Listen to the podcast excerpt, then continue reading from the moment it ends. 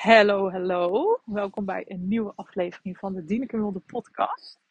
De podcast voor als jij niet tevreden terugkijkt op je eerste bevallingservaring. En er daardoor best wel tegenop ziet om binnenkort of in de toekomst voor de tweede keer te bevallen. Leuk dat je weer luistert. Ik ben even iets nieuws aan het proberen.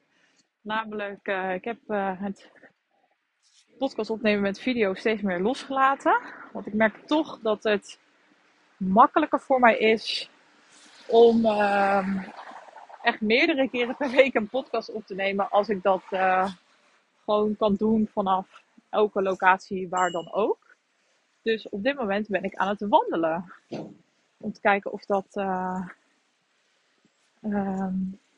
kijken, want ik, heb nu mijn telefoon uit, een soort van het scherm uitgezet. En ik ben heel benieuwd of de opname dan doorgaat. Volgens mij wel. Oké, volgens mij gaat het goed. Uh, maar uh, ik ben dus op dit moment heel even aan het wandelen. En ik ga ook even oversteken. Ja, ik ga echt alles live mee. Ik ga heel even de weg oversteken. Dus dat betekent dat je wat uh, verkeersgeluiden gaat horen. Maar ik dacht, ik wil heel graag nog even naar buiten. En ik wil graag een podcast opnemen. Dus 1 in 1 is 2. Dus dit is hoe, hoe ik dit nu even combineer. En ik ben zelf erg benieuwd naar wat de geluidskwaliteit gaat worden. Dus dat ga ik straks ook even terugluisteren. Um, dus het kan zelfs zijn dat ik deze podcast helemaal niet online zet, omdat de, geluidskwaliteit niet goed is. Want ik uh, heb mijn AirPods in. Maar we gaan ervan uit dat het goed gaat. En dat ik deze aflevering gewoon online kan zetten. Want het lijkt me wel echt heel relaxed. Dat ik gewoon overal waar dan ook mijn podcast kan opnemen. Dus dat gaan we lekker proberen vandaag. En uh, het is op dit moment maandag, maandagmiddag. Om nog preciezer te zijn, dus de nieuwe week net begonnen. Ik was weer best wel moe vanochtend. Ik leid nog steeds aan de wintertijd. Ja, ik moet gewoon echt heel erg wennen. Um, ik weet niet wat het is. Het is toch weer even dat je ritme um, een beetje van slag is of zo. Um, dus ik, was best, ik moest echt even, echt even weer uh, echt wakker worden vanochtend. Maar we zijn er. En uh, op een gegeven moment merk ik als mijn dag begint en vooral als ik dan leuke dingen mag doen, zoals uh, coaching sessies geven aan de vrouwen in mijn acht weken trajecten, dan krijg ik direct weer energie. En dan, uh, dan ben ik er weer helemaal. En ik dacht, ik wil gewoon nog even naar buiten. Want dat helpt me ook altijd heel erg. Ik word niet heel gelukkig van uh, hele dagen binnen zitten. Ik ben benieuwd of je dat herkent. Maar vroeger was ik me daar nooit zo bewust van. Dus dat ik echt. Ik heb jarenlang gewoon echt uh, vijf dagen per week in een kantoorpad gezeten. En waarbij ik echt bijna niet naar buiten ging. Terwijl ik nu denk echt, hoe heb ik dat volgehouden? En uh, uh, ja, hoe heb ik dat volgehouden? Want nu merk ik heel snel van, oké, ik wil graag, ik wil graag lekker naar buiten. Uh, dus nu probeer ik eigenlijk bijna elke dag wel even een wandelingetje te maken. Als het lukt. Dus vandaar nu ook lekker naar buiten ga. En uh, ik heb trouwens niet heel lang voor deze podcast. Want ik moet over een half uur moet ik weer thuis zijn. Want dan heb ik krachttraining. Krachttraining lesje via Zoom. Van Kirsten, mijn personal trainer. Met wie ik dus twee keer in de week train. Dus ik, uh, ik kan er geen uh, lange podcast van maken. Maar dat is wel goed. Want anders dan lul ik echt. Ik lul zo een uur vol. Dat weet je inmiddels. Als je mijn podcast langer luistert. Um, maar nu heb ik een deadline. Ik moet namelijk weer een half uurtje op audio heb ik willen zeggen op papier, maar natuurlijk op audio. En waar ik het deze aflevering over wil hebben, is iets wat echt een van mijn grootste eye-openers slash inzichten is geweest in mijn eigen proces. En, um, en ik denk dat dit inzicht niet alleen heeft veranderd hoe ik ben gaan kijken naar mijn eerste bevallingservaring. En vooral ook um, ik heb heel veel antwoorden gekregen op de vraag: wat zegt mijn bevallingservaring eigenlijk over mij? En daarnaast heeft het ook heel erg doorgewerkt in mijn leven daarna. En uh, hoe ik keuzes ben gaan maken. Uh, gewoon in zijn algemeenheid, zeg maar, in het leven daarna. En hoe ik naar mezelf begon te kijken. Dus dit heeft echt heel veel voor mij gedaan. En uh, ik hoor je al denken, nou, get to the point, waar heb je het over? ik vind het altijd leuk om een inleiding te geven. Maar waar het bij mij mee te maken had, is dat een van de dingen waar ik meest gefrustreerd, boos, teleurgesteld, verdrietig over ben geweest, is dat ik voor mijn gevoel geen um, keuzes had in bepaalde um, situaties in mijn bevalling. En dat ik op dat moment dacht dat het gewoon moest. En dat ik daar niet zo heel veel over te zeggen had. En uh, totdat ik er daarna achter kwam dat ik wel degelijk wat te zeggen had. En, uh, en daardoor eigenlijk nog boos werd. Omdat ik heel erg het gevoel had, ja, het gevoel begon te krijgen van, maar wacht eens even. Als ik toen had geweten dat ik wel degelijk keuzes had en dat niet alles moest waarvan ik dacht dat het moest, dus dat het niet anders kon, uh, dan, had ik, dan had mijn bevallingservaring wel eens heel erg anders kunnen zijn voor mij. Moeten we even oversteken, dus je hoort er wat verkeer. We staan ook echt midden op de weg ongeveer. Maar uh, ja, dan had het wel een heel andere ervaring uh, voor mij kunnen zijn. En, uh, en toen kwam een soort van het volgende, het volgende op. Toen dacht ik, waarom heeft niemand mij dit verteld? Waarom? En dan met niemand bedoel ik vooral de zorgverleners. Uh, dus uh, nou ja, het grootste kantelpunt bij mij was het moment dat ik, of de situatie waar ik in belandde, die ik totaal niet had verwacht van tevoren, namelijk dat mijn bevalling begon met gebroken vliezen. En dat mijn eerste lijnsverloskundige, die op dat moment langskwam, op mijn grote praktijk, tegen mij zei, of eigenlijk al heel snel begon van, oké, je hebt gebroken vliezen en als je weet niet snel genoeg op gang komen, niet binnen 24 uur, dat weet ik nog heel goed, dat ze dat noemden, dan, uh, ja, dan word je medisch, dan moet je naar het ziekenhuis. Nou weet ik niet of ze het letterlijk zo heeft gezegd, van dan moet je naar het ziekenhuis. Kan wel, weet ik niet 100% zeker. Het kan ook zijn dat ze het iets anders heeft verwoord, maar dat ik het vooral opvatte als in, je hebt geen keuze, je moet naar het ziekenhuis sowieso. Ik denk vooral het laatste hoor. Um, ik weet dat er zorgverleners zijn die, die, het, die het ook echt zo zeggen. Maar ik weet niet 100% zeker of mijn verloskundige het zo heeft gezegd. Wat ik wel weet is dat ik het zo heb geïnterpreteerd. dat weet ik heel zeker. Dat ik op dat moment dacht: ik heb geen keuze. Dus ik moet gewoon hoe dan ook naar het ziekenhuis. En uh, duurde ook best wel lang, zeg maar, dus voordat mijn weeën op gang kwamen.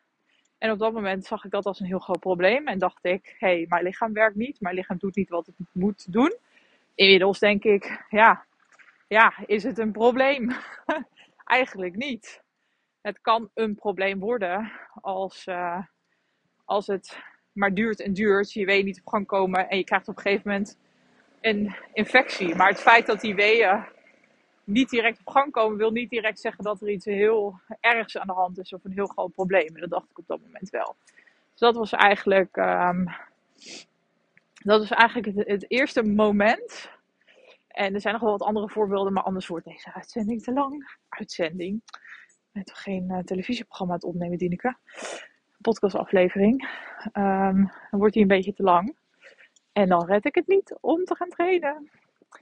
Um, dus dit is denk ik het beste voorbeeld uit mijn, uit mijn ervaring. Um, en ik heb dus heel lang gedacht, ik was eigenlijk heel lang best wel boos, omdat ik dacht, ja, als die verloskundige nou even op dat moment had gezegd van, joh, dit is het protocol, maar jij mag daar, je hebt zelf nog keuzes daarin, dus jij mag besluiten of je wel of niet naar het ziekenhuis wil, bla bla bla. Um, daarvan dacht ik, als ze dat nou had gezegd, ja, dan had ik misschien wel een hele andere keuze kunnen maken. En dan was mijn hele ervaring wellicht wel heel anders geweest. Dus ik heb het ook, en daar ben ik heel lang best wel boos over geweest. Ben zelfs over in gesprek gegaan met onder andere mijn verloskundige praktijk, met het betreffende verloskundige ook. Ik had best veel verwijten. Ik was boos, verdrietig, teleurgesteld. En, uh, en heel lang heb ik dat ook gezien als de oplossing. Dus als zij nou tegen mij had gezegd dat ik een, uh, een keuze had, dan, uh, ja, dan was mijn ervaring compleet anders geweest. dat zag ik zeg maar als een soort van de oplossing. Nou nee, ik denk vooral als de oorzaak voor hoe mijn bevalling uiteindelijk is verlopen en hoe ik die had ervaren. Um, dus dat heb ik denk ik wel een jaar, een jaar tot, tot een jaar zeg maar, aan mijn na mijn bevalling gedacht.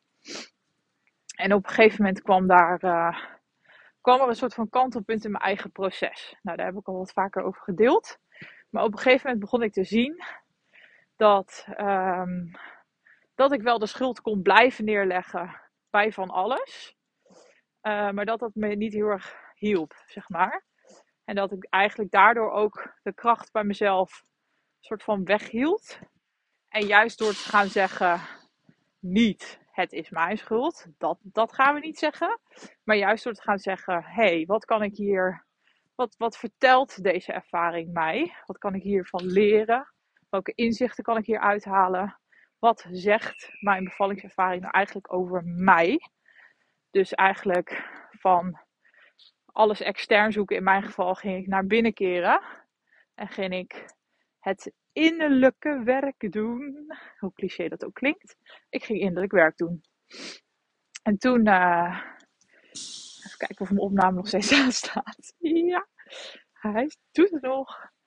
Um, toen begon ik op een gegeven moment heel anders naar die ervaring te kijken. En toen begon ik ook heel anders naar dit specifieke punt te kijken. Want toen dacht ik, ja, ja, ja, ja, ja, ik kan wel blijven roepen van uh, mijn verloskundige of in, in general de ander moet mij vertellen dat ik keuzes heb. Maar dan leg ik dus nog steeds die verantwoordelijkheid uh, bij anderen neer. Dus dan, dan heb ik eigenlijk een soort van voorwaarden gecreëerd om uh, mijn eigen keuzes te maken. Namelijk dat de voorwaarde is dat iemand mij eerst moet vertellen dat ik keuzes heb.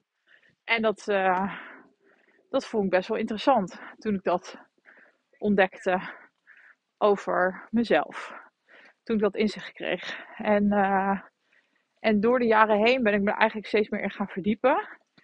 En kwam ik erachter dat dit sowieso, ja, ik vind dit een waanzinnig boeiend onderwerp, omdat dit ook constant terugkomt in. Um, ik merk als ik überhaupt gewoon uh, in zijn algemeenheid. Ik loop even langs een soort van opvanglocatie, dus wordt wat stemmetjes. Maar als ik bijvoorbeeld bevallingsverhalen gewoon random lees op Instagram of een blog of zo, doe ik niet heel veel, maar af en toe zie ik wel eens wat voorbij komen. Dan lees je heel vaak dat iemand zegt: Ja, en toen werkte ik medisch. En toen moest ik naar het ziekenhuis of ik moest een keizersnede of ik mocht niet thuis vervallen. Dat lees ik heel vaak. Ik hoor het heel vaak terug. Um, of ik lees het vaak terug in de chat van mijn eigen webinar. Ik had bijvoorbeeld vorige week nog een dame die zei van uh, ja, ik, heb, ik ga bevallen met diabetes type 1. En ik heb toch het idee dat ja, de, de, protocollen redelijk vaststaand zijn. Uh, dus dat daar niet echt uh, mogelijkheden in zijn.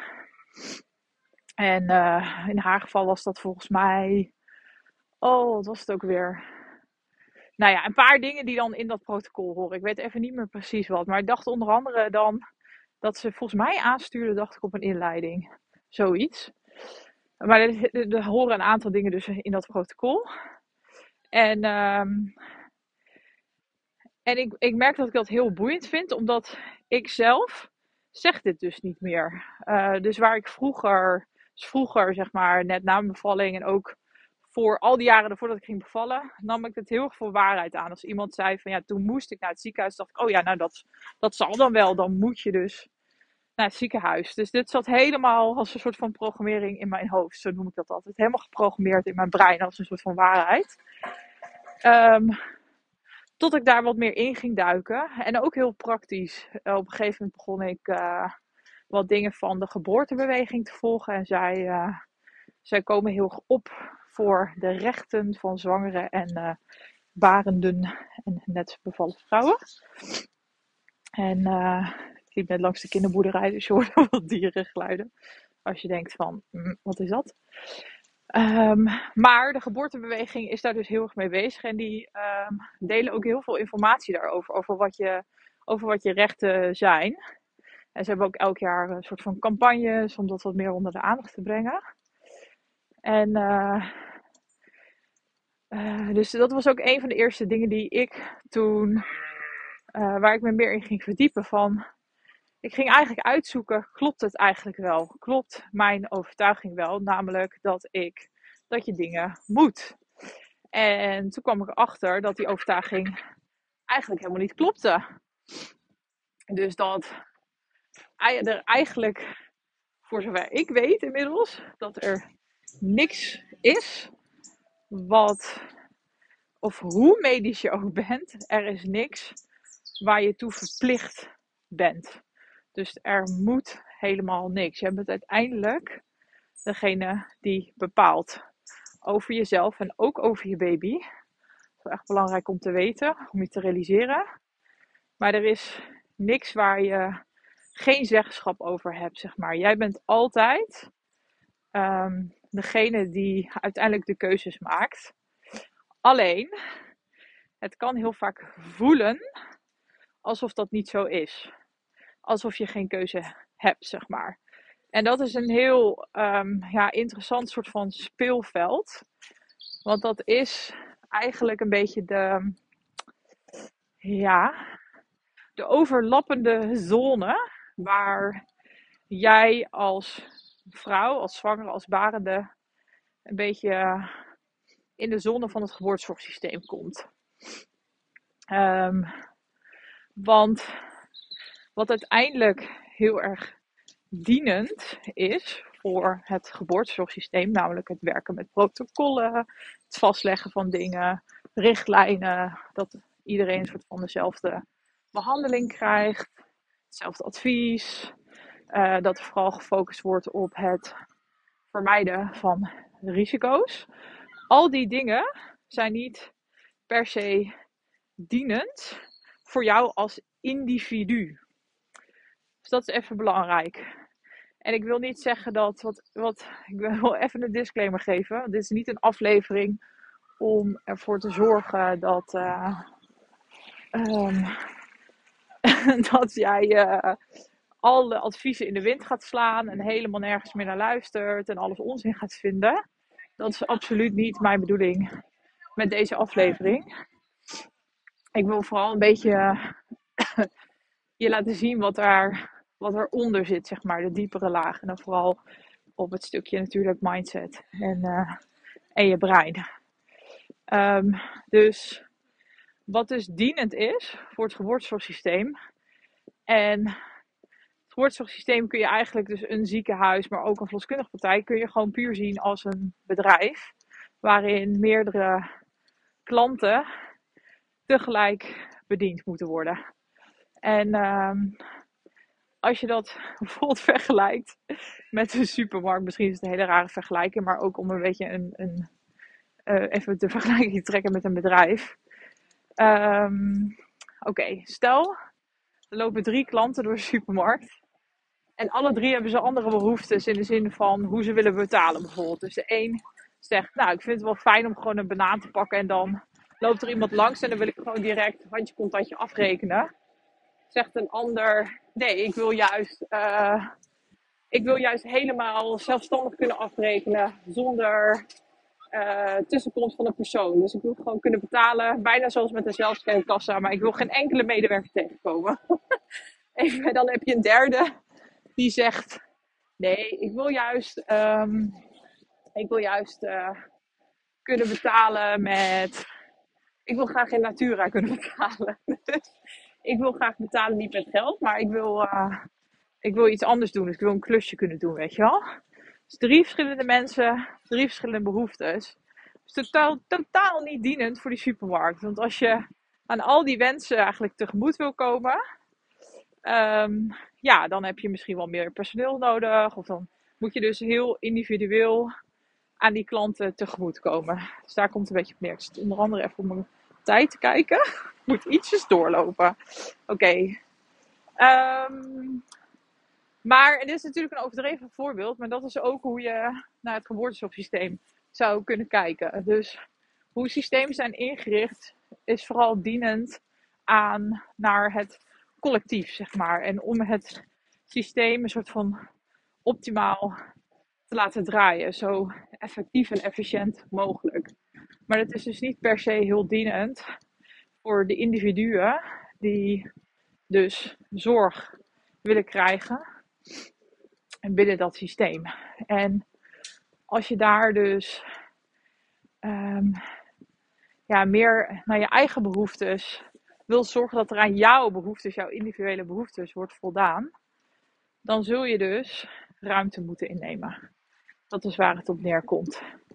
En je kunt je misschien wel voorstellen dat, kijk, als jij in een supermarkt op een andere manier betaalt voor je goederen dan je eigenlijk had gewild, ja, dan heeft dat niet zo heel veel impact op je welzijn. Maar in het geval van bevallen en zorg krijgen rondom je bevalling, kun je misschien wel voorstellen dat als jij zorg krijgt verleend die niet per se aansluit bij jouw persoonlijke behoeften of wat werkt voor jou, dan heeft dat, heeft dat daadwerkelijk wel impact op jouw uh, algeheel welzijn, op jouw gezondheid, op jouw bevalling, het verloop van jouw bevalling en ook hoe jij die bevalling vervolgens ervaart. Um, dus dat heeft, dat heeft best wel veel, uh, dat kan best wel veel impact en consequenties hebben. Zeg maar, hoe meer jij uh, kijkt naar wat werkt voor jou en dat voor jezelf probeert te regelen binnen dat systeem, hoe groter de kans is dat jij een ervaring hebt, een bevallingservaring hebt waar je heel tevreden en fijn op terugkijkt. Um, dan even als een soort van stukje context. En ik drijf het heel erg af. Maar, um, oh ja. Maar je zult misschien wel begrijpen dat als zorgverleners constant als een soort van disclaimer gaan noemen. Van ja, ik zeg nu dit, maar weet dat je uiteindelijk zelf een keuze hebt dat is niet heel dienend voor het systeem. Want dat betekent dus, hoe gek het ook klinkt, dat je dus uh, daardoor waarschijnlijk meer vrouwen krijgt die zeggen: Oh, maar als dat zo is, dan wil ik misschien wel iets anders. Het is ook niet heel dienend, want een systeem draait het beste op um, strakke structuren, regeltjes, protocollen. Die ook steeds strikter worden en steeds op meer mensen van, toepassing, meer vrouwen. Um, ja, als iedereen daarvan af gaat wijken, dan wordt in de ogen, ik zeg niet dat het zo is, maar in de ogen van het systeem wordt de kans op risico's um, groter. dus dat is een beetje um, waarom dit, zeg maar, uh, dienend is voor het systeem. En ik geloof, um, ik geloof heel erg dat iedereen in principe gewoon de beste bedoelingen heeft en dat een verloskundige of een gynaecoloog niet bewust soort van dingen uitspreekt om jou te laten doen denken dat je dingen moet. Ik denk dat het onbewust gaat en dat er ook wel een stukje in zit van um, ik heb hiervoor gestudeerd en ik ben de expert of ik heb hier ervaring mee en ik heb de expert. Misschien heb je dat zelf ook wel als je kijkt maar eens naar het werk wat je doet. Als dat iets is wat je al langere tijd doet, dan voel je daar gewoon veel um, comfortabeler in. En dan zal het ook makkelijker zijn om naar mensen uit te spreken van ja, dit, dit zou ik doen als ik jou was. Um, dat is nou eenmaal zo. Dus dat maakt dat het snel, uh, sneller een soort van overkomt uh, op een ander, op jou als vrouw. Alsof je dus, alsof je geen keuze hebt. Alsof dit het beste is en alsof dit moet. En dan waar de overlap zit, dus ik heb net een beetje het stukje geboortezorgsysteem uitgelegd. Maar waar de overlap zit, dus in mijn geval, um, Want daar, ik zei net aan het begin van, ik weet niet of ze exact dit zei. Wat ik wel 100% weet, is dat dit mijn perceptie was. En of jij iets. Jouw perceptie is natuurlijk heel gekleurd door wat jij hebt meegemaakt, hoe de relatie is met jezelf. Hoe ik ben opgegroeid is dat ik vooral gewend was om naar anderen te luisteren. Uh, dat andere mensen in mijn leven mij vertelden wat goed voor mij was of niet. Dus daar was ik al heel erg aan gewend. Dus het kwam niet eens in me op om, ja, om dat dan op dat moment in twijfel te gaan trekken, zeg maar. Dus die perceptie wordt ook weer bepaald door wat jij hebt meegekregen vanuit je ouders, vanuit je omgeving. En, en nu, als ik op terugkijk, uh, denk ik in mijn geval is het heel logisch dat mijn perceptie op dat moment was: ik moet dit en ik heb geen andere keuze. Terwijl als je er echt naar gaat kijken en echt over nadenkt, um, wordt het eigenlijk in heel veel gevallen niet letterlijk zo gezegd. Er wordt eigenlijk nooit letterlijk gezegd door een zorgverlener: je moet dit en je hebt geen andere keuze. Het heeft ook echt te maken met dus hoe jij dingen opvat, uh, hoe, hoe jouw perceptie daarvan is. En dat zegt weer iets over jou. Dus dat is super interessant.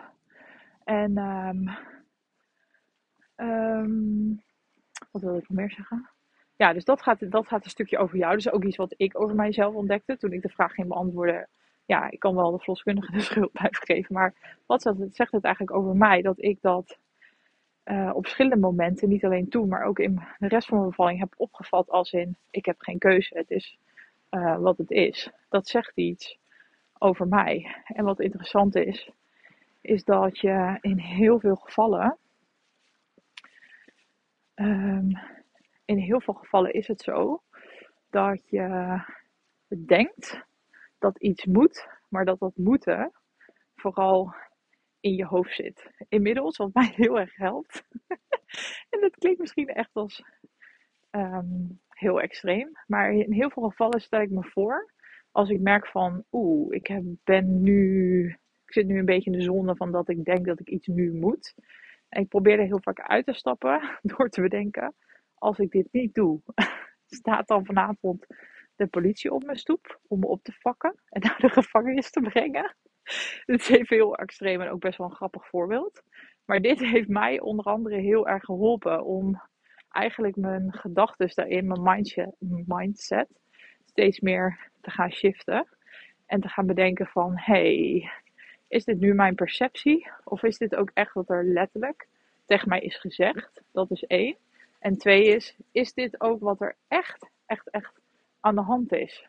Dus is dit echt een kwestie van moeten en niet mogen? Of is, komt het uiteindelijk neer op een advies? En daar komt het eigenlijk ik zou zeggen, in bijna 100% van de gevallen op neer dat iets een advies is, maar dat jij zelf denkt dat je geen keuze hebt. En wat daarin ook helpt, uh, dus ik zei net al een beetje twee een soort van mindset hacks. Maar soms kan het ook helpen als je bijvoorbeeld nu in een situatie zit waarin je dus medisch bent door bijvoorbeeld je eerste bevalling, doordat je de eerste keer een keisnede hebt gehad, of door andere medische aandoening, kan hè, bijvoorbeeld het diabetes voorbeeld. Um, en er zijn dus allerlei protocollen van jou van toepassing, waarvan je het gevoel hebt van ja, daar is niks in mogelijk. Door het gewoon te vragen, door letterlijk te vragen van ben ik verplicht om dit te doen? En ik kan je nu al garanderen, als je dit vraagt, dat die zorgverlener gaat zeggen: nee, je bent tot niks verplicht. Maar ik zou je wel um, met, uh, hoe zeg je dat ook weer? Ik zou je wel heel, uh, het zou bijvoorbeeld kunnen zijn dat diegene zegt: van, ja, ik zou je wel echt op het hart willen drukken of dit ten strengste willen adviseren. Omdat diegene daar vindt dat dat de juiste manier is. Um, maar dat is dus, dat voelt al heel anders. En daarmee bedoel ik niet dat je altijd maar moet afwijken en iets anders moet besluiten. Maar misschien kan je je voorstellen dat het heel anders voelt om misschien wel hetzelfde te besluiten als wat je zorgverlener in eerste instantie had aangeraden.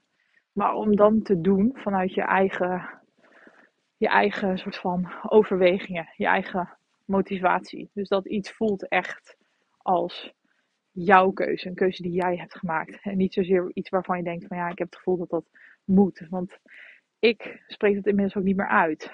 Ik gebruik heel erg zinnen als, uh, ook in mijn, um, de uh, vrouwen in mijn trajecten. Ik spreek altijd bewust uit van, dus als je er zelf voor kiest om medisch te worden. Als je um, zelf ervoor kiest om wel thuis te bevallen of wel in het ziekenhuis te bevallen. Omdat ik weet dat dat heel veel uitmaakt. Die taal. Het doet namelijk, door dat uitspreken, dat doet gewoon ontzettend veel met jouw um, gevoel van regie. Dus, ik ben bijna thuis, dus ik hoop dat je hier iets aan hebt gehad. Het is me binnen een half uur gelukt. Let me know als je hier nog vragen over hebt. Stuur me dan even een berichtje. Via DM, via Instagram kan dat. En uh, heel erg bedankt tot luisteren. Voor het luisteren. En tot de volgende. Doei doei!